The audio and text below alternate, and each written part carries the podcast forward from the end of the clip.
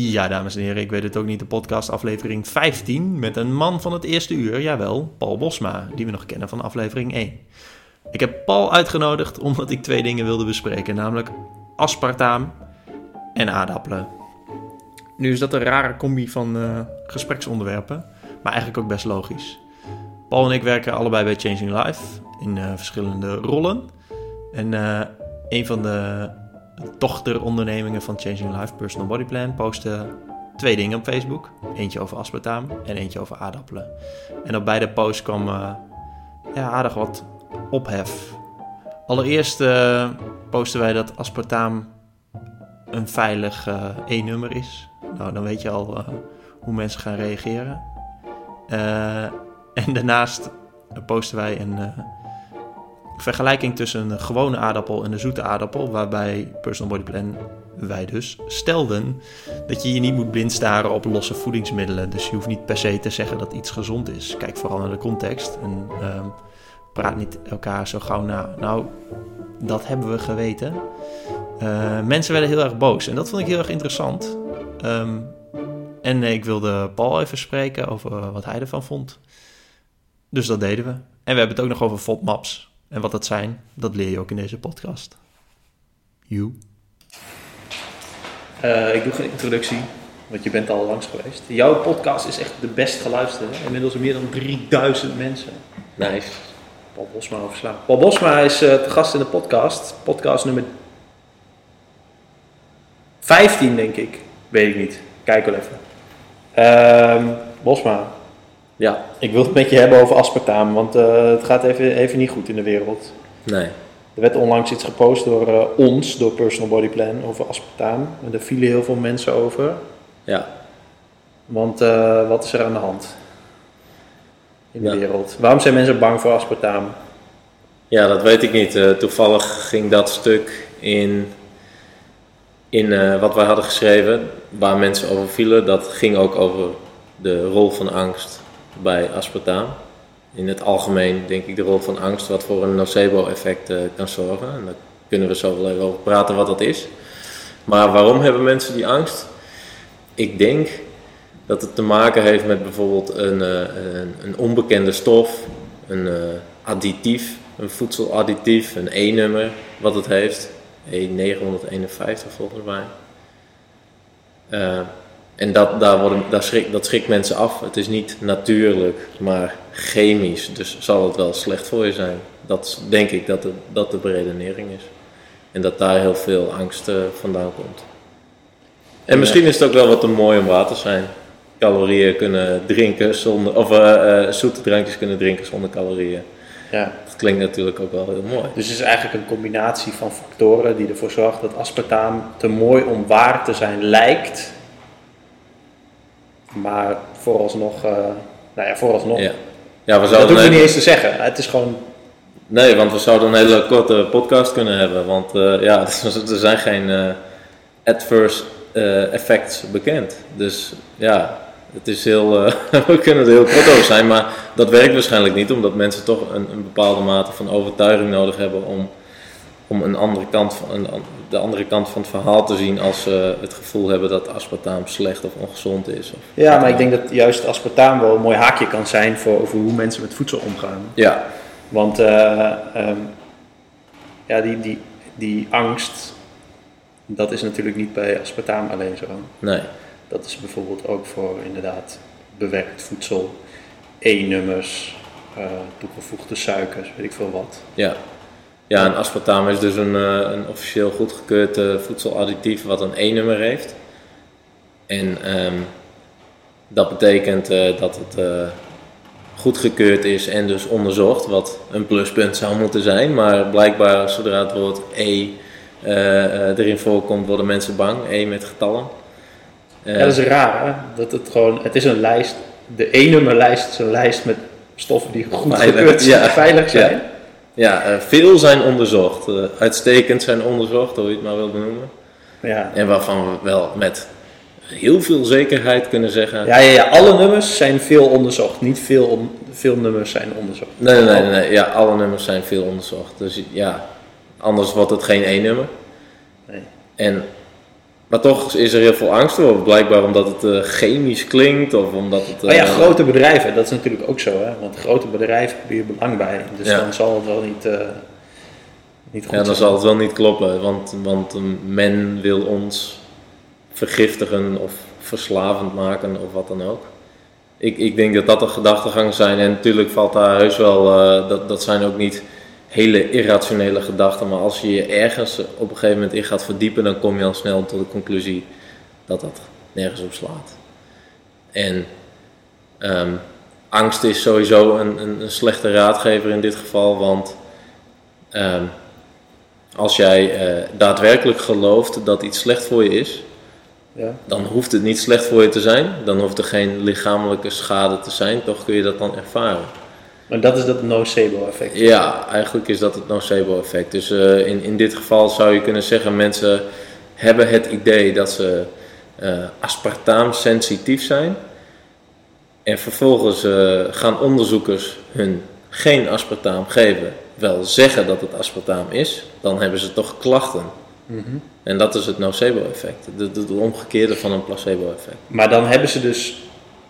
Oh, dat is wel een lastige. Dus ze, ze hebben klachten, of zeggen ze dat ze klachten hebben, of zeggen ze dat ze klachten hebben, waardoor we dus kunnen concluderen dat ze klachten hebben.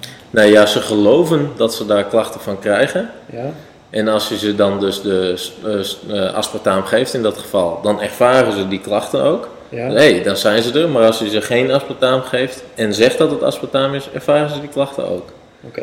En je ziet dat bijvoorbeeld ook heel duidelijk bij eh, wat ook populair is afgelopen jaren, glutenallergie. Wat eigenlijk gewoon een glutenintolerantie is, wat celiakie heet. Maar mensen noemen dat tegenwoordig ook glutenallergie. Blijkbaar eh, eh, maakt het niet meer uit of je het een allergie of een intolerantie noemt. heel vervelend. Maar goed, die hebben een glutensensitiviteit, noemen ze dat dan. Nou, dat is dan niet te diagnosticeren tot op heden. En het is de vraag of het überhaupt aan gluten ligt, of dat het andere stoffen zijn, FODMAPs bijvoorbeeld. Ehm, maar goed, daar gaat het nu niet om. Ze zijn bang voor gluten. Ze denken dat ze daar sensitief of een allergie of wat dan ook hebben. Dan geef je ze dus eh, producten met gluten en je zegt er zit er geen gluten in, hebben ze geen klachten. Mhm. En andersom wel. Dus je geeft ze eh, eh, producten eh, zonder, eh, die niet gluten bevatten. En je zegt ja, dat bevat gluten. Dan hebben ze daadwerkelijk klachten. Dus daadwerkelijk problemen met hun darmsysteem. Maar en is, wordt er dan ook onderzocht hoe dat dan kan? Hoe kun je dan met je gedachten je lichaam beïnvloeden? ja, dat is dan dus dat, dat, is dat nocebo-effect. Ja, dat is, eh, ja, je kunt, ja, je kunt En dat is heel even, veel dingen... even min als het placebo-effect te verklaren. Ja, want een placebo-effect eh, eh, vertelt dus eigenlijk dat je een interventie doet bij iemand eh, zonder dat dat iets zou moeten betekenen. Dus een pil wat niks bevat, maar vitamine C, maar we zeggen het is paracetamol omdat je hoofdpijn bijvoorbeeld afneemt. Ja. Wat. En dus dat is eigenlijk een positieve bijdrage en in dit geval heeft het een negatieve uiting en is die uiting dus daadwerkelijk aanwezig. Dus het is niet zo dat je kunt zeggen, ja, maar eh, frisdrank gezoet met aspartaam, dat draagt niet bij aan mijn voedingspatroon, want er zitten verder geen nuttige voedingsstoffen in. Klopt. Maar, dus dan kan ik wel zeggen dat je dat niet moet nemen, want het is slecht en giftig, want het boeit toch niet, want het, het levert je niks op. Nou, dat boeit wel, want je kunt een nocebo-effect ervaren bij die producten en een soort rare relatie krijgen met voeding. Ja. Door op die manier naar voedingsmiddelen te gaan kijken als zijnde slecht of giftig of wat dan ook. Dus het is wel degelijk een probleem. Dat was wat werd beschreven in dat eh, eh, blogartikel eh, op de Facebook-site van Personal Body Plan, de website. Dat dus die angst dat dat wel een slechte raadgever kan zijn. En daardoor vielen mensen er weer over.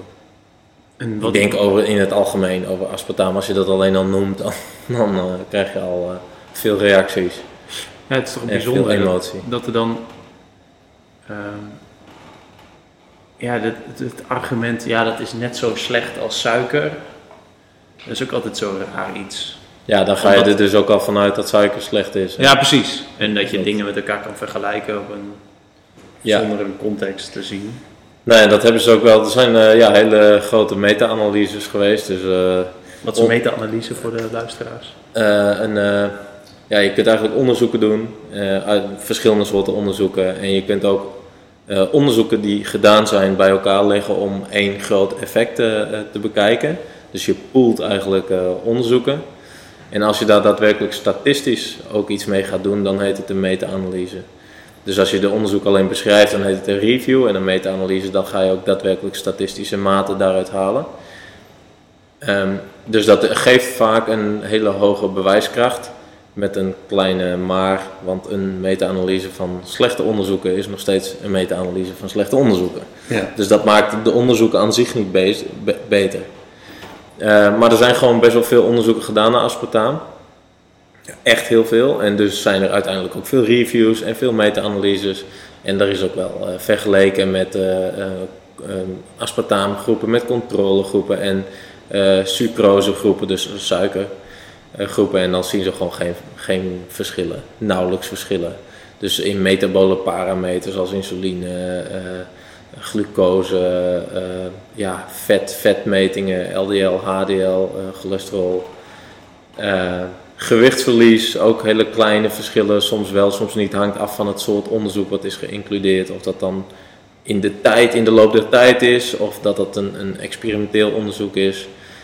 Ehm, dus ja, je ziet eigenlijk gewoon geen verschillen en je ziet ook geen negatieve effecten. Dus vandaar dat ze op een gegeven moment hebben gezegd, eh, in 1980 hebben ze het volgens mij al goedgekeurd en daarna zijn er nog heel veel onderzoek gedaan dat, dat ze dat nog eens her, eh, hebben heroverwogen, omdat er dus vanuit heel veel eh, kanten werd gezegd van ja, maar is het wel veilig en dit en dat. En nou, dat hebben ze daarna gekeken en ja, dat is geconcludeerd, het is veilig. Maar wie heeft er belang bij om te, te roeptoeteren dat het onveilig is? Ehm, ja, dat is een hele goede vraag. Eh, soms eh, dan denk ik dat er individuen zijn zonder belang die dat roepen, omdat die gewoon daar echt stellig van overtuigd zijn dat het zo is en graag hun overtuiging willen verkopen. Ja. Ja, dat is dan een, een gratis overtuiging, maar er zullen ook genoeg personen zijn die een boek schrijven of eh, artikelen schrijven en daar geld mee kunnen verdienen. Eh, mensen helpen, dus coaching aanbieden en die daar geld aan kunnen verdienen en die dergelijke standpunten innemen om aantrekkelijker te lijken. Eh, omdat het ergens misschien ook wel eh, voelt, maar dit is ook weer een aanname, omdat het misschien voelt alsof, alsof je iets, dus het is handiger om iets ergens de schuld van te geven dan dat bij jezelf te zoeken. Dus het zal wel liggen aan aspartaam en het zal wel hier en een makkelijke conclusie. Ja, misschien hè, maar dat is een aanname. Ik, ik, ik Ja, weet misschien het is het, het, het is een beetje dat zwart-witte. Dus, Ja. dus, dingen verbieden, dingen ophemelen. Sowieso, volgens mij is het wel echt wel waakzaam, waakzaam, raadzaam, om waakzaam te zijn voor mensen die losse producten ophemelen Of demoniseren. of demoniseren. Ja. ja, dus zodra iemand ook, eh, je zult altijd, eh, dat zul je ook wel in andere podcasts hebben gehoord met, eh, met eh, personen die jij hebt geïnterviewd of misschien andere, dat, dat heel stellig zijn, dat is vaak niet, dat past heel vaak niet bij een wetenschappelijke houding. Dus zul je daar personen die echt daadwerkelijk in literatuur gaan kijken met een zo goed mogelijke objectieve bril, ook al heeft iedereen wel zo zijn bias, die zul je niet snel betrappen op dit is zo en dat is zo. En dat is vaak wat meer genuanceerd.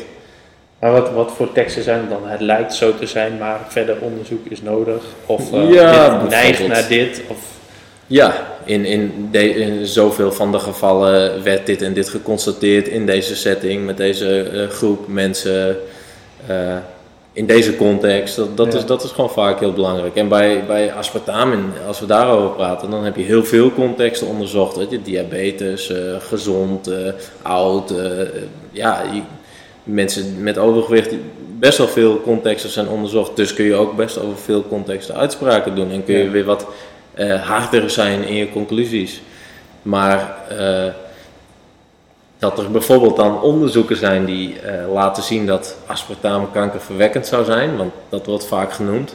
Wat ik overigens wel vervelend vind, omdat je met een ziekte als kanker gewoon dat, dat ja, daar, daar moet je niet mee gaan lopen ouwe hoeren. Eh, en door aan te geven van eh aspartaam draagt eraan bij, of welk voedingsmiddel dan ook, zou je de, de, leg je een soort van de schuld bij mensen dat zij zelf hebben veroorzaakt, mede hebben veroorzaakt dat ze kanker krijgen op die manier. Dat, dat is nogal, ja, dat vind ik nogal wel, heftig. Ja. Dat moet je wel doen als je daar heel veel bewijs voor hebt. En in het geval van aspartaam zijn dat hele rare onderzoeken waar soms de data niet van vrij wordt gegeven. Nou ja, dan moet je eigenlijk al meteen heel veel vraagtekens gaan zetten als onderzoekers hun data niet willen vrijgeven. Eh, volgens mij was het Italiaanse onderzoekers die dat hadden gevonden en dat niet wilden vrijgeven. En het spaarzame bewijs dat daarvoor is, staat in. Eh, wat, als je daar beter naar gaat kijken, dan kom je er dus achter dat het gewoon slecht eh, uitgevoerde onderzoeken zijn. Met hele rare hoeveelheden aspartaam in traveneus, in ratten of muizen spuiten. Wat helemaal nergens Intraveneus is eh, gewoon... ja, gewoon vol meteen in, in, de, bloed, in de bloedbaan eigenlijk stoffen spuiten in, in bizarre hoeveelheden. Nou ja, ik kan je zo wel vertellen dat als je dat, als je in bizarre hoeveelheden als mens nu water gaat drinken, ga je ook dood. Mhm. En dan is water dus vergif en dan kun je zeggen, oké, dan moet ik dus water maar nooit meer drinken in geen enkele eh, hoeveelheid. Want het was in een bepaalde hoeveelheid eh, eh, slecht. Nou, Maar dat is een mooie conclusie toch? Dat alles in een bepaalde hoeveelheid vergif is. Ja, dat kan uiteindelijk in, in Behalve bepaalde hoeveelheden. Ja, ja, misschien ook wel trouwens. Ja, nou, dat kunnen we beter die mensen vragen die op liefde leven. Ja. Nee, maar eh, ja, dat, dus het kan negatieve effecten hebben. Kan, ja, bijna alles kan negatieve effecten hebben als je het maar eh, in, in dosis-respons verhaal erbij pakt. Ja. En nogmaals over die onderzoeken met kankerverwekking. Het zijn gewoon slecht uitgevoerd. Dus daar kun je helemaal geen conclusies, afgezien van het feit dat het idiote hoeveelheden zijn, zijn het gewoon onderzoeken waar je geen conclusies aan kunt verbinden. En het, het, alle andere bewijzen wijst totaal de andere richting in. En wel goed uitgevoerd, wel reviews, wel meta-analyses, et cetera. Dus het is ridicuul om je op die onderzoeken te baseren en om daar vanuit te gaan redeneren. Dan kijk je dus niet naar de, eh, de body of evidence, dan kijk je gewoon wat past er bij mijn persoonlijke overtuiging. Mooi, dit. Nou, dan ga ik het zo in, eh, ga ik het op die manier bewandelen, dat pad bewandelen. Want het past bij mijn overtuiging. Nou, Ja. dat, dat is dus een, ja, dat is niet een manier hoe je met onderzoek moet omgaan. En dan, eh, Maar er zijn toch ook heel veel mensen die zeggen, ja maar omdat het nog maar zo'n kort zo'n stof is die we gebruiken, weten we het lange termijn effect niet. Nou, er zijn wel lange eh, prospectieve studies gedaan waarin ze mensen dus over een langere eh periode volgen en daar zien ze ook niks. Dus kun je daar al mee concluderen dat dat van de baan is. Daarnaast is het, zou het dus aannemelijk moeten zijn of biologisch plausibel dat een stof opeens op lange termijn wel voor eh, bepaalde dingen gaat zorgen en En op korte termijn niet. uitsluiten. Omdat het, Nou ja, je uitsluiten, ja, daarvoor heb je dan die prospectieve studies die langere tijd kijken, naar mensen langere tijd bijhouden en volgen, om te kijken wat er met die personen gebeurt. Ehm, maar ja, je kunt ook wel, ja, natuurlijk kun je ook dingen ook beredeneren. Het zou, het zou vreemd zijn als het opeens heel schadelijk was op, op lange termijn. ja, dat je het gewoon 40 jaar drinkt, zoet, frisdrank met zoetstoffen, en dat je dan opeens ziek wordt. Ja, Maar wat? en, en ik, Ja, ik denk dat het nog wel goed is om te zeggen dat je dus ook de andere kant op kan redeneren. Ook even, wat draagt het dan, draagt het dan überhaupt bij aan je gezondheid of draagt het bij aan afvallen? Want daar zou je het eh, logischerwijs voor inzetten. Ik drink frisdrank met suiker. Dat is eh 40 calorieën per 100 milliliter. Dus eh blikje 300 milliliter. Nou, zit je op eh 120, 130 calorieën. Ehm, nou, als ik die kan besparen door een blikje eh light eh, frisdrank te drinken met 0 calorieën, ja, dan bespaar ik 130 calorieën. Dus dat betekent dat ik wellicht een negatieve energiebalans kan creëren, sneller of makkelijker. Nou, klinkt plausibel, maar ook dat zien ze in experimentele studies een licht effect, dat het licht zou kunnen helpen, dus kleine beetjes. Maar in die lange termijn studies komt dat niet naar voren. Dus je kunt je ook afvragen, eh, draagt het bij? Is het verstandig om te, om te nemen? En dan denk ik, dan wordt het heel erg individueel en contextafhankelijk. Hoe zet je het in? Maar voedingsstoffen, als we praten over frisdranken met aspartaam in dit geval even, ja, dat, dat ja, levert je geen voedingsstoffen op of zo. Je hebt er Dat- je, geen hebt er, je hebt er geen, dat geen reet aan. de DOS-les, maar dat doet water ook. Ja. Behalve dat het lekker smaakt. ja, Dat is, Ja. En daardoor heb je misschien plezier van. ja. En het feit dat, het feit dat het lekker smaakt is omdat het gewoon 200 keer zo zoet is als suiker. Ja, aspartaam zelf, Dat niet, zou ik- niet het blikje cola. Nee, nee, nee. nee. Het aspartaam zelf is 200 keer zo zoet. eh, En, da- en ja, daardoor zit er dus 200 keer zo weinig in. ja, dus levert het ook geen, geen calorieën. Ja. Hey, maar eh, er zijn heel vaak eh, ehm, eh, mensen die zeggen, ja maar als je frisdrank drinkt en regelmatig drinkt, dan raak je gewend aan, eh, aan zoetigheid. En dan, heb je, dan ontwikkel je een drang naar zoetigheid, waardoor je dus meer gefocust zou kunnen zijn op zoet, suikerrijk eten, wat dan weer een negatief effect heeft. Is dat, is dat zo te concluderen? Nou ja, dat, dat, die, beredenering eh, kan ik nog volgen. Alleen dan zou je dat dus terug moeten zien in dat onderzoek wat er is geweest. Dan zou je dus zien dat mensen die je op lange, lange, langere tijd volgt, die eh, frisdranken drinken met zoetstoffen, dat die dan dus zwaarder zouden worden dan mensen die dat niet doen. Omdat ze nog extra veel eten door een zoete, zoete drang naar voedingsmiddelen. Maar dat is niet zo. Dat zie je niet. Dus het, het, het vult waarschijnlijk, ja, ik heb, ik heb zin in zoet, ik wil een, eh, een eh, ik, ik neem frisdrank light. Ja, dat is minder calorieën dan gewone frisdrank, maar elders neem je wellicht toch die kleine hoeveelheid calorieën op andere manieren in, omdat het dus ook niet echt helpt. Of je compenseert het misschien deels, want je ziet inderdaad een heel klein effect in sommige gevallen dat het dus licht helpt bij het creëren van een calorierestrictie. Maar ja, dan praat je niet over hele grote Het stappen. is in ieder geval geen wondermiddel. Nee, zeker Drink je niet. zelf frisdrank met eh Ja, ik, zoetstoffen? ik drink wel eens eh, frisdrank met Maar zoetstof. wat is wel eens? Ik denk de laatste tijd wat vaker toevallig, want ik, nou, ik zet het zelf wel in tijdens eh, een, een, een tijd van eh, restrictie. Dus eh, ik hanteer een calorierestrictie de afgelopen maanden. En dan zet ik het in eigenlijk om mezelf, eh, dan heb ik toch behoefte aan een soort van zoete, zoete smaak. Nou, dan neem ik een eh colaatje of fantatje light. En dan heb ik dat ergens gesteeld. Het het voelt als een momentje van, oh prettig, toch even wat lekkers, geen calorieën. Maar in die context waarin ik dat doe, is het dus heel bewust. Ik weet hoeveel calorieën ik binnenkrijg, dus eh, compenseer ik dat ook niet. Wat je dus in ad Nee, libitum, dus als je iemand vrij laat eten, ja, dan zou diegene dat kunnen compenseren. Maar hou jij het nu weer bij? Ik hou het wel bij, ja. Maar ook eh, in, in- met een tool of gewoon omdat jij weet dat bepaalde maaltijden een bepaalde hoeveelheid macronutriënten en dus calorieën bevatten. Ja, ik weet het inmiddels omdat ik dat al zo lang doe en, en zo lang naar kijk, weet ik het, eh, kan ik het redelijk inschatten. En dus ik hou het niet eh, altijd bij. En bewust doe ik sommige dagen hou ik niks bij. Omdat ik dan eh, dat ook als het ware wil trainen om het zonder bij te houden. eh, dat op, op honger en verzadiging door het leven te gaan. Maar heel vaak hou ik het ook wel bij. En eh, nu, omdat ik een restrictie hanteer en ik, heb, krijg wat meer honger, is het voor mij handiger om wel bij te houden, omdat ik anders snel eroverheen ga.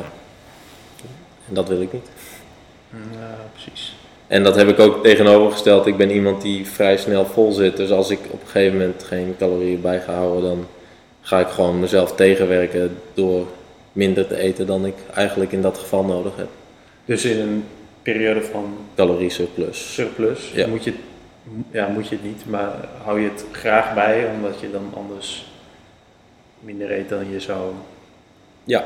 willen. Ja, na een aantal, na een tijdje. Op een gegeven moment zit ik gewoon veel vol en ja, dan ga ik dat eh, automatisch doen. En ja, dat is gewoon de kracht van de eh, eh, evenwicht van het lichaam waar, waar, waar het naar streeft. zeg Ja, plus als we echt heel specifiek kijken naar jou, dus dat je ook wel veel groente en fruit, veel vezels eet, toch? ja, Hydrateert.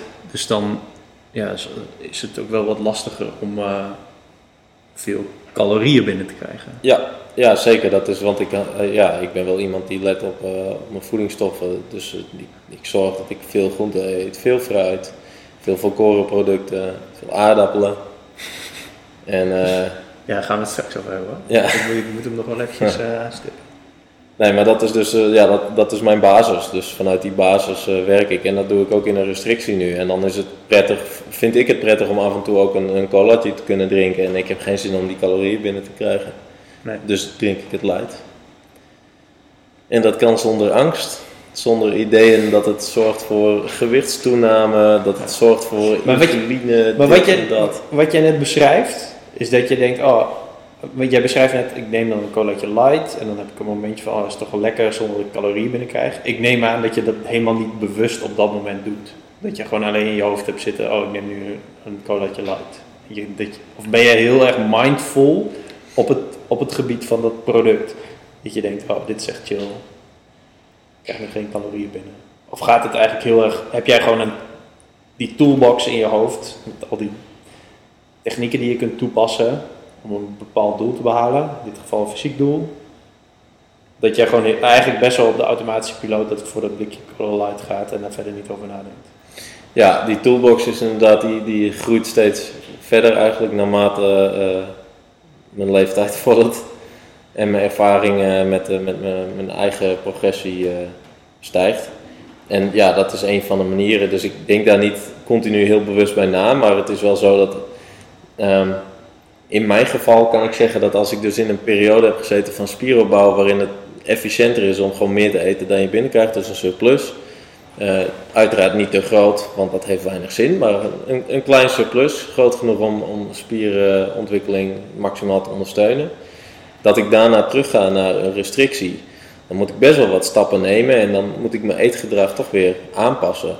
En dan komt die toolbox eh, kijken en dan is het in het begin be- best wel even bewust van oké, wat ga ik nou doen, wat ga ik kiezen en eh, op, op welke manier ga ik waarborgen dat mijn verzadiging groot is. Want dat is belangrijk. Dus als jij in een restrictie zit, dan wil je dat je verzadiging goed is.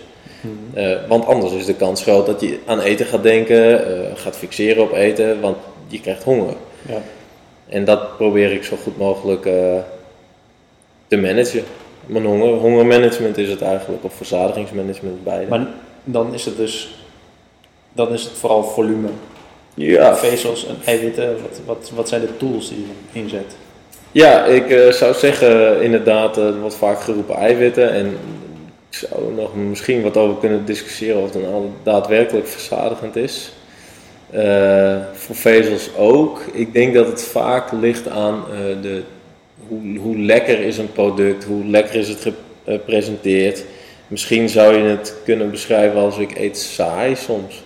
En dan bewust saai, omdat ik het niet, niet dat ik het vies vind, maar gewoon saai. En dan zit je, ben je er op een gegeven moment ook klaar mee. Het nodigt je niet uit de smaak, nodigt je niet uit om heel veel meer te eten. En toch zit je vol. En een goed voorbeeld daarvan ik, vind ik, eh, dus aardappelen. En dan eh, eet ik gewoon aardappelen en dan eet ik ze gekookt. En dat geeft ook veel volume en dat geeft wat vezel. Eh, het, en, maar het, het zorgt er wel voor dat ik, als ik 400 gram aardappel of zo eet, dan zit ik daar gewoon heel lang vol van. En dan is dat best wel saai voedsel. En Ja. in, in, ik ik zou... Het is, niet, het is niet voedsel wat je met tegenzin eet. Nee, Je absoluut niet, je hebt niet. het idee van, yo, ik zit nu te diëten. Nee. Nee, er zijn gewoon momenten waarop je dan wat, wat saaier eet, maar dat zorgt er wel voor dat het heel makkelijk te hanteren is. En dat je dus niet eh, de urge voelt om heel veel andere dingen daarbij te eten. En als ik bijvoorbeeld eh, brood eet, wat, wat ik wel gewoon doe hoor, maar eh, brood met pindakaas, ja, daar kan ik gewoon best wel veel van eten. En dat geeft mij ook het, als ik er één, een- een volkoren puntje met pindakaas op heb, dan denk ik, mooi, ik wil er nog wel vijf. Ja. Als ik eh, een paar honderd gram aardappel op heb, of aardappelpuree of wat dan ook, dan denk ik, oké, prima, was, was best. Ik heb me erop verheugd, ik zit vol, klaar. Ja. Uiteraard eet ik er dan nog groente bij en een eiwitbron. En dat, dat complete plaatje zorgt ervoor dat ik dan verzadigd ben in dat geval. En dat komt ook mede door het volume, want aardappels geven natuurlijk best wel wat volume.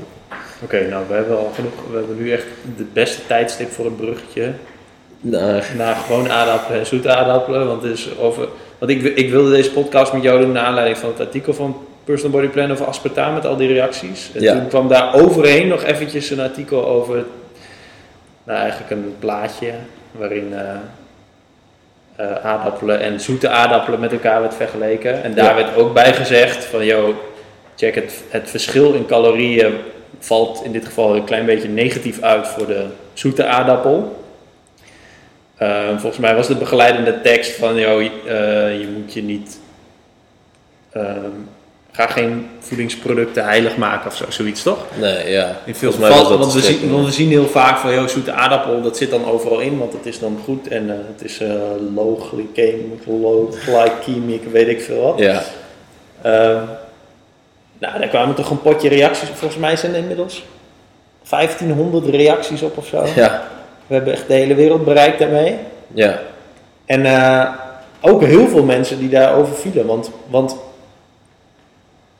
eh, ehm, ja, waar vielen ze eigenlijk over?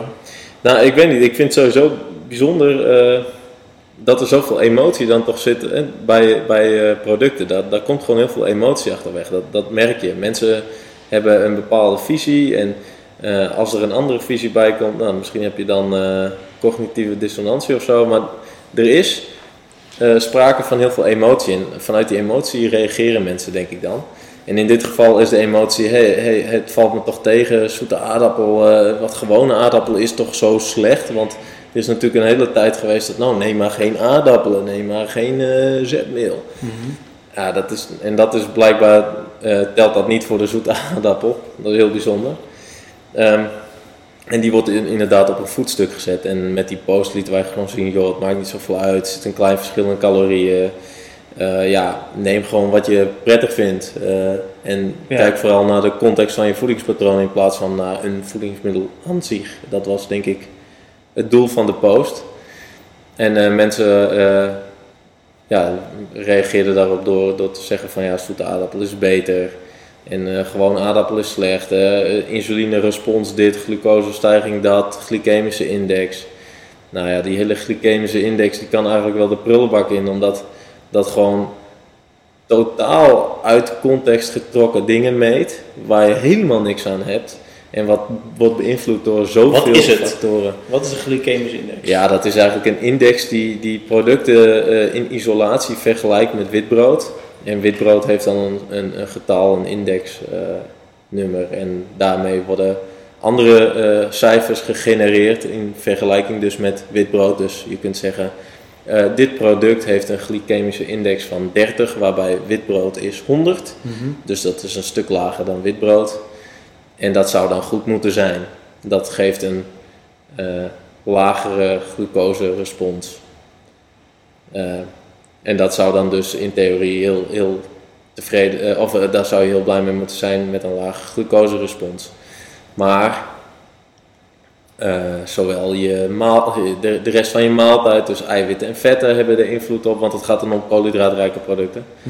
Eh, heb je gesport, heeft er invloed op. Wat heb je de rest van de dag heeft ge- gegeten, wat heeft er invloed op. Dus zodra je het gaat meten in, in maaltijden, dan vervalt ook die hele glycemische index Want het gaat alleen over losse producten. ten opzichte van witbrood. Daar, daar, daar zal En, maar dat dan, eh, je zegt glucose-respons, dus dan Ja. wat er gebeurt in je bloed. Ja, dus, dus als jij eh, En wat niet goed is. Ja, ja dat zou, daar zou je dan bang voor moeten zijn, wat ik niet begrijp. Want het is gewoon een normale fysiologische reactie van je lichaam op het eten van koolhydraten. En het meet, de glycemische index, meet niet eens eh, de glucose-respons. Ehm, het meet eigenlijk niet, je- je kunt kijken naar, eh, ik heb het vergeleken in een artikel met een badkuip. Dus je hebt een, een badkuip en die eh, twee badkuipen heb je één met een klein afvoerputje en eentje met twee grote afvoerputjes. En als je die badkuipen beide vol gooit met water, dan daalt uiteraard in die badkuip met die twee afvoerputjes, daalt het water weer veel sneller dan in die badkuip met een heel klein afvoerputje. Maar dat betekent dus niet dat in die ene badkuip het sneller is gestegen. Nee, in die andere badkuip met twee afvoerputjes wordt het sneller weggevoerd. Ja. Dus wat, zo kun je dat ook zien met glucose, gaat het sneller naar de weefsels. En dat is wat de glycemische index helemaal niet meet op die manier. Dus dat wordt ook nog eens verkeerd geïnterpreteerd. Maar afgezien van het feit, ik denk dat het veel belangrijker is om eh, daarbij te concluderen dat je dus iets meet wat irrelevant is. Want je eet niet koolhydraten in isolatie op een nuchtere maag. Dat doet niemand. Dus het is helemaal Ja, niet relevant in het dagelijks leven. De dag begint met jellybeans of zo, zoiets. Ja, en dan nog moet je, kun je je afvragen wat het dan dus zegt of wat dan negatief. Want als je dus gaat kijken naar mensen die eh, laag glycemisch eten. En dan kiezen ze dus blijkbaar producten uit met een lage glycemische index. Ten opzichte van hoog geen verschil. Hoog glycemische index laag. Geen verschil bij die mensen in wat ze ook meten. Gewoon geen verschil. Dus afgezien van het feit dat het in, in, de, in essentie al eh, eh, geen slimme tool is. Kun je zeggen ja, maar eh, wellicht zien we dan wat bij mensen? Nee, ook niet. Dus het hele low, slow carb, heeft dat er iets mee te maken? Ja, ik, misschien dat ze het daarop op beroepen. Al kun je wel zeggen dat je, kijk, je kunt koolhydraatrijke producten ook anders indelen in eh, complexe koolhydraten en eh, simpele koolhydraten, waarbij simpele koolhydraten eh, mono- en disacchariden zijn, dus suikers als het ware. En complexe koolhydraten, bijvoorbeeld zetmelen. Zo kun je ze ook indelen en dat gaat meer over de tijd die het nodig heeft om afgebroken te worden in je, in je, in je GI, in je digestieve tractus, Eh, dus in je darmstelsel. En als je dat, eh, als je daar zeg maar naar kijkt, dan zou je kunnen zeggen het is handig om wel voldoende complexe koolhydraten binnen te krijgen. En hoe doe je dat dan? Door voldoende groente en fruit, volkoren granen, peulvrucht, dat et cetera. te dus altijd komt dat het uit op wat het voedingscentrum aanraadt uiteindelijk. Ja, ja, Gevarieerd eten, niet, Gevarieerd. Niet zoveel. Nee, ja, gevarieerd en v- verschillende eh, koolhydraatbronnen. En voornamelijk dus niet bang zijn voor producten. Wederom, net als met aspartaam. Bang voor gewone aardappelen, blanke aardappelen, hoe we ze even willen noemen. Omdat dat dan slecht zou zijn. Dat is echt ridicuul. In fact, ik wil nog wel een stapje verder gaan. Wanneer jij aardappelen schrapt uit je voedingspatroon, dan is dat een hele slechte beslissing als je een calorierestrictie wilt toepassen. Want, zoals ik eerder al zei, vullen aardappelen heel erg. En wat blijkt, er zijn ook verzadigingsindexen. Wel handig in tegenstelling tot glycemische indexen. En in die verzadigingsindexen, welk product staat daar bovenaan? Vier bovenaan. De gewone aardappel, gekookt. Ja. Ontzettend verzadigend. Dus in vredesnaam, waarom zou je een ontzettend verzadigend product uit je voedingspatroon gooien omdat je er bang voor bent? Tijdens bijvoorbeeld een calorierestrictie. Nou, dan helpen je je doelen dus niet. Integendeel, je hebt net een product wat je in potentie juist kan helpen, heb je eruit geflikkerd. Dus je moet eigenlijk geen losse producten met elkaar vergelijken, behalve Nou ja, als je, kijkt naar, als, nee, ja, als je kijkt naar verzadiging, dan kun je, dus, dan Ja. kun je wel producten met elkaar vergelijken. Omdat je dus, eh, eh, als je werkt aan een calorierestrictie in die context, wil je graag verzadig, verzadigend. Nee, je bent, op, je bent op zoek naar een dieet wat op de eerste plek bij je past, lijkt mij. Ja, En waar je, wat je lange termijn kan volhouden, wat je doel ook is. Ja. En wat je niet eh, ervoor zorgt dat je omvalt. Dus dat je voldoende voedingsstoffen krijgt. ja. Ja, en dan kun je dus losse producten. Gaan toevoegen of gaan. Ja. Ja, En op basis van die criteria selecteer je je producten. Ja. Dus als jij zegt, ik vind aardappelen echt disgusting. En helemaal als ze gekookt zijn, ja, by all means, neem ze niet. nee. Maar als je ze wel lekker vindt, neem ze dan vooral. En ik denk dat, het, dat heel veel mensen eh, denken van ja, maar aardappelvies, nou, je hebt ook heel veel verschillende soorten aardappelen. Ik zou het eens een keer proberen om, om eens te, te, eh, te kijken naar, naar een aardappelkraam of zo op een markt en die dan verschillende soorten verkoopt en daar eens mee proeven. Je hebt ook echt aardappelen die uit zichzelf al heel veel smaak bieden. En waar je ook heel simpel puree van kunt maken zonder roomboter en dergelijke. Maar gewoon met een beetje halfvolle melk of zo. En eh, wat peper en zout en nootmuskaat. Hartstikke lekker. En ja, het feit is, eh, soms, eh, het kan ook niet altijd allemaal heel lekker zijn. Want dan at ik de hele dag croissantjes en chips en jelly beans. Ja. Maar ja, zo werkt het niet. Ja, kijk, en eh, je, je, die- die criteria die je net noemt, eh, het moet lekker zijn, het moet passen bij mijn doel, eh, het moet een beetje verzadigend zijn als ik een, restrictie toepas, het moet voldoende eiwitten bevatten als ik train. Ja, al dat soort criteria. Ja, ik vind het wel mooi dat, dat, dat heel veel mensen die denken dan. Ah, ik vind het eigenlijk best wel lekker, maar iemand zegt dat ik dat niet mag. ja, Of zo. Dat is, dat is, dat is waarschijnlijk de meest slechte. is, eh, dit, is dit gezond? Ja. Dat is dan altijd de vraag. Dus wel, de, de mooie parallel is met mijn vorige podcast, met Valentijn over, eh, over gekookt vliegen. Dat iemand aan hem vraagt: Zou je deze ticket boeken voor zoveel euro naar Vietnam? Dan zegt hij, "Ja, maar wat zou jij doen? Ja, Wat vind jij belangrijk? Je moet het niet aan mij vragen. nee, Heb Nee. jij het ervoor over? Vind je, dat, vind je dat een prima deal? ja. En dan, ja. Ja, dat is een Dat- goede vergelijking. volgens mij is dat inderdaad. een mooi parallel met, met, met losse, dat hele ja, gezeik over losse dingen. Ja, en het is ook helemaal niet interessant wat iemand anders eet. Ja, als je er inspiratie uit kunt halen of recepten of zo is het leuk, maar het, het boeit niet wat iemand eet. Niet specifieke producten hebben niet geleid tot een, tot een specifieke uitkomst. Dat, dat, dat is gek, zo werkt het niet. Dus wat je, en dat is heel, heel jammer, want wat je dus ziet als je interviews kijkt met bijvoorbeeld fysiek athletes of zo. En dan hebben ze weer vier keer per dag kip en rijst en broccoli gegeten en met iedere keer een portie rauwe amandelen erbij. Ja, als je dat gaat zitten kopiëren, dan weet ik zeker dat je in ieder geval een, een, een, een, een slecht voedingspatroon hanteert met weinig voedingsstoffen. Want je, Je varieert. je varieert totaal niet. Zo werkt het niet. Je kunt niet zeggen, ja, broccoli is het allerbeste groente, dus eet ik alleen maar broccoli. Dat, dat slaat nergens op. Ja, broccoli bevat heel veel voedingsstoffen. Neem het vooral. Maar wortels bevatten weer hele andere voedingsstoffen, dus die kun je ook nemen. En guess what? Witlof, ook weer andere voedingsstoffen, kun je ook nemen. Ja, gewoon variëren. Dat, dat is, dat is ko- koning in je voedingspatroon is zorgen dat het gevarieerd is en dat je het lekker vindt en dat het past bij je doelen. En die doelen die zijn altijd contextafhankelijk. En wat je lekker vindt, altijd contextafhankelijk. Ja, duidelijk wel. Wat zijn FODMAPs? Dat zei je na twee minuten. Ik heb het even genoteerd. Ja, klopt. Nou, dat is eigenlijk, je hebt in heel veel producten zitten eh, koolhydraten, koolhydraten die je niet goed of gedeeltelijk kunt, kunt afbreken. Nou, dat zou je vezels, eh, voedingsvezels ook onder kunnen scharen, onder die categorie. Eh fructo-oligosaccharide, disaccharide, monosaccharide en polyolen. Volgens mij waren dat ze. Eh, een A. Tussen monosaccharide en polyolen zit toch een A? Die zoeken, Ja. we, op- die zoeken we op. Die zoeken we op. Welke was dat ook alweer? Nou ja, goed, het zijn in ieder geval koolhydraatachtige stoffen die je niet eh, volledig kunt afbreken. En dus kunnen ze in je darmen voor beweging, peristaltiek zorgen, voor gasvorming.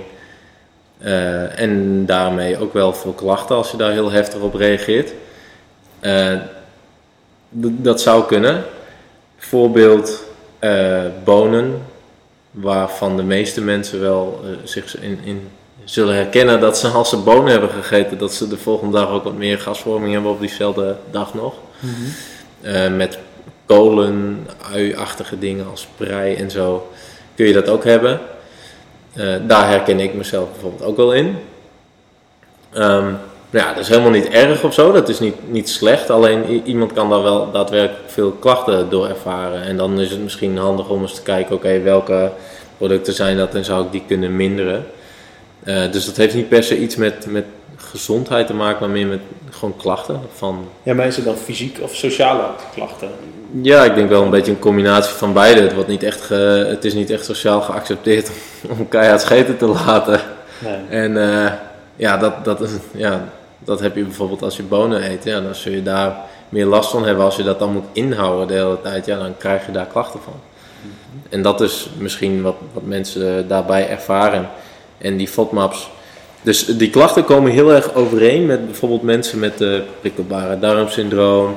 Mensen die aangeven ik heb uh, last van glutensensitiviteit. Misschien zijn het wel gewoon de FODMAPs in die producten. Die zorgen voor een bepaald uh, klachtenbeeld. Dus FODMAPs is een term ja, met, de eerste met de eerste letters van een aantal uh, ja. stoffen die in producten kunnen zitten. Maar dat is, het is wel eigenlijk lastig, want dan, want als je daar, als je klachten hebt, die je net noemt, dan ga je dus wel op zoek naar losse producten die die kunnen veroorzaken, toch? Ja, ja dat kun je doen. En dus dat... wordt dat dan niet gevoed, de gedachte dat losse producten goed of slecht voor je zijn? Ja, maar ik denk dat vaak wordt gekeken naar dat voedt het wel, maar dan wordt er vaak gekeken, is dit gezond of niet gezond? En dat is, heel, dat is dus heel lastig te zeggen. Als we dan in dit geval gezond te definiëren als niet last van darmklachten en ongezond wel, dan is dus bijvoorbeeld een ui ongezond als ik er vier van eet en last krijg van mijn darmen. Ja. Dat kan bij bijvoorbeeld één Maar dan is- niet zo zijn. ja, precies. Dus dan is het nog steeds de dosis die... Ja, ja, bijvoorbeeld of als ik er last krijg van één, ja, dan moet ik gewoon geen uien eten. Dan zijn uien ongezond voor mij. Maar in, in, bij gezondheid denk ik aan daadwerkelijk eh, niet alleen aan, aan, aan klachten, maar bijvoorbeeld echt aan fysieke schade bijvoorbeeld. Nou Ja, dat heb Ja. je natuurlijk dan niet. Het is, het zijn, je darmen reageren daar gewoon heftig op, laat ik het Mhm. zo zeggen. Het is niet per se dat je darmen daardoor kapot gaan, zoals bij eh, Crohn, ziekte van Crohn. Of eh, colitis ulcerosa, waarbij er daadwerkelijk schade aan je darmen plaatsvindt en dat je door die schade last krijgt. Of glutenintolerantie, celiakie, dat er daadwerkelijk schade is in je darmen doordat je dat hebt. Dat, dat is wel echt iets anders. En dan kun je zeggen voor iemand met celiakie is, eh, zijn producten die gluten bevatten ongezond. Ja, precies. En, en Dan is het schadelijk. ja, ja, dan Maar is er het- zijn maar vrij ja, weinig dingen los op zichzelf schadelijk. Ja, omdat je dat dus altijd contextafhankelijk is. Dus dan Dus- kun je dus zeggen van gluten zijn ongezond. Nee, want iemand die niet glutenintolerant is, heeft er geen problemen mee en kan baat hebben bij de voedingsstoffen die zitten in producten die onder andere gluten bevatten. Ja, precies. Als je gaat kijken naar volkoren tarwe of zo, of volkoren spelt, ja, spelt bevat ook gewoon gluten. Eh, ja, dat bevat prima voedingsstoffen. Ja. En met name de volkoren varianten. Ja. Oké. Eh, was dat het rondje? Aspartaam, aardappelen en fotmars. Zo, dat was een bijzonder rondje. Ik maar ik denk denk over, over aspartaam, ik denk dat de conclusie daar vooral moet zijn, wees daar niet bang voor, omdat het gewoon heel weinig nut heeft en, en je tegen kan werken. Dus door dat nocebo-effect waar we het over hebben gehad. En mm, mm, je hoeft geen aspartaam te nemen om je, je doelen na te streven. Zeker niet. Dus wees daar gewoon eh, voor jezelf, eh, maak daar een keuze in. Wil je dat wel? Je hoeft er niet bang voor te zijn. Neem het vooral. Wil je dat niet? Neem het vooral niet. Maar ga niet anderen overtuigen dat het slecht is. Dat helpt niet. Want het is niet slecht. Oké, dus je mag, wel, en je mag wel mensen overtuigen dat het goed is. Of dat het Nou, geen, dat het nee, geen- niet dat het goed is, dat het geen negatief effect heeft. Ja, Tenzij je over, wat was het ook weer? Wat was de, de, de meest extreme dosis die is gemeten die nog steeds geen nou volgens mij was dat eh 3 tot 4 gram aspartaam. Hè? Dan hebben we het echt over grammen aspartaam. Dus 3000 tot 4000 milligram. Wat, eh, terwijl de ADI 30 tot 40 gram is. De dosis per dag zeg maar. eh 30 tot 40 milligram is. Dus dat was al 100 keer meer. Per kilo lichaamsgewicht. Ja, per kilo lichaamsgewicht. En dan praten we al dus wat aanvaardbaar is, is van 4 tot 6 liter frisdrank per dag. Dus wat ze hebben, volgens mij hebben gemeten in, in eh, eh, rodents is dan, Een muizenstudie. ja, muis of ratten, is dan 400 tot 600 liter frisdrank. Zou dat, zou dat het equivalent zijn voor ons? Ja, dat slaat natuurlijk helemaal nergens op. Ik denk 4 tot 6 liter frisdrank, wie doet dat überhaupt al, zeg maar? En dat is dus al de dosis waar, waarvan wordt gezegd, ja, dat is sowieso veilig. Gemiddeld per dag is dat sowieso veilig. ja, voor de, dat Voor- is een dosis voor de rest van je leven. Als je dat de rest van je leven doet, iedere dag, dan is dat veilig. Ja, en, maar dan hebben we, dat is, je moet altijd zoveel mitsen en maren, maar dan hebben we het alleen over de aspartaam, even los van het feit van dat als je waarschijnlijk 4 tot 6 liter frisdrank op een dag drinkt, dan heb je waarschijnlijk wel een soort van probleem. Ja, ja, ja. Dan moet je wel andere, moet je bij andere dingen gaan nadenken. Je, ja, oké. Ja. Maar dat is dus, dat is dus een, het, het- het- je moet het zo zien, die dosissen die, die dus, waarvan je zegt gerust, gehard, eh, gerust, met een gerust hart de rest van je leven. Dat is al bizar hoog en dan gooien ze daar nog een keer honderd keer meer bij eh, en dan vinden ze nog steeds geen schadelijke effecten. Dus ja, dat ligt waarschijnlijk heel ver weg. En nogmaals, in de context waar water in hele grote hoeveelheden in een hele korte tijd kan dodelijk zijn. Ja. Dus sta je niet blind op, oké, dus als iets in de hele absurde hoeveelheden slecht is, dan is het ergens altijd miniem slecht. Zo werkt het niet. Want dan zou je dus geen water meer kunnen drinken. Eh, ja, ja, nee, maar dan, dus, de, dan is de analogie dus dat je niet van een stoepje af kan springen. Want van 20 meter afspringen ga je Ja. dood. Ja, Ja, dan moet je gewoon niet helemaal niet meer dan moet je helemaal niet meer springen. Nee. Nee, oké. En eh, wat is de, de, de aardappelenconclusie?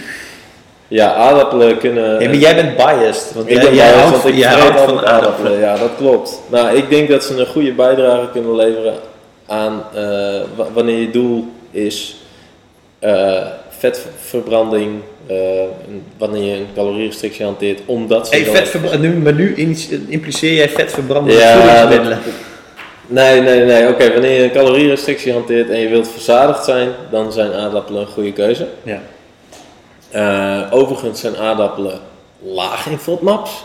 Dus krijg je daar waarschijnlijk geen eh darmproblematiek van. Nog een voordeel.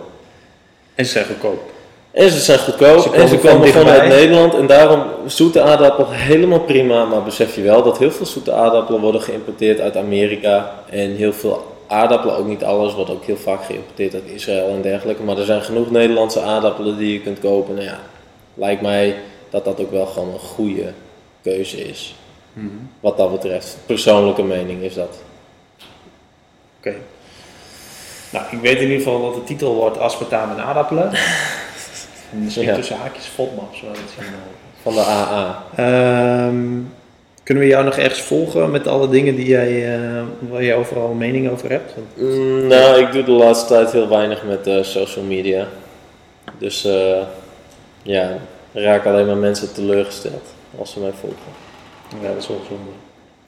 Ik krijg wel veel leuke reacties op onze eerste podcast. Dus ik hoop dat mensen, als ze dit leuk vonden of interessant of eh, leerzaam, dat ze dat dan eh, gaan zeggen op Twitter. Twitter.com slash Jan de Boer.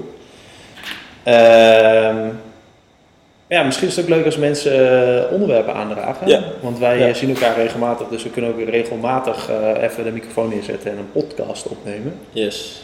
Dus als mensen iets willen weten of iets toegelicht willen hebben of met een vraag zitten of zoiets, eh, ja, dan kan ik die aan jou stellen en dan kun je gewoon dat eh, allemaal vertellen.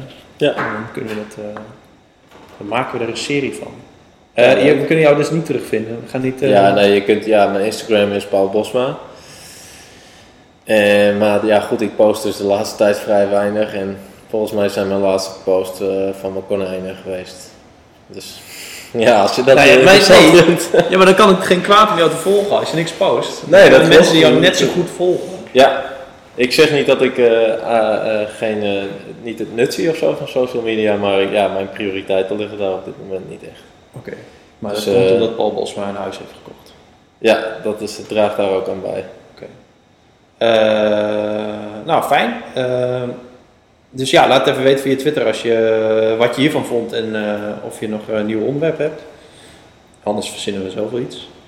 Yes. Heb je überhaupt eh, vragen over deze podcast, laat het ook weten via Twitter. En laat even een, eh, doe even een eh, review op iTunes.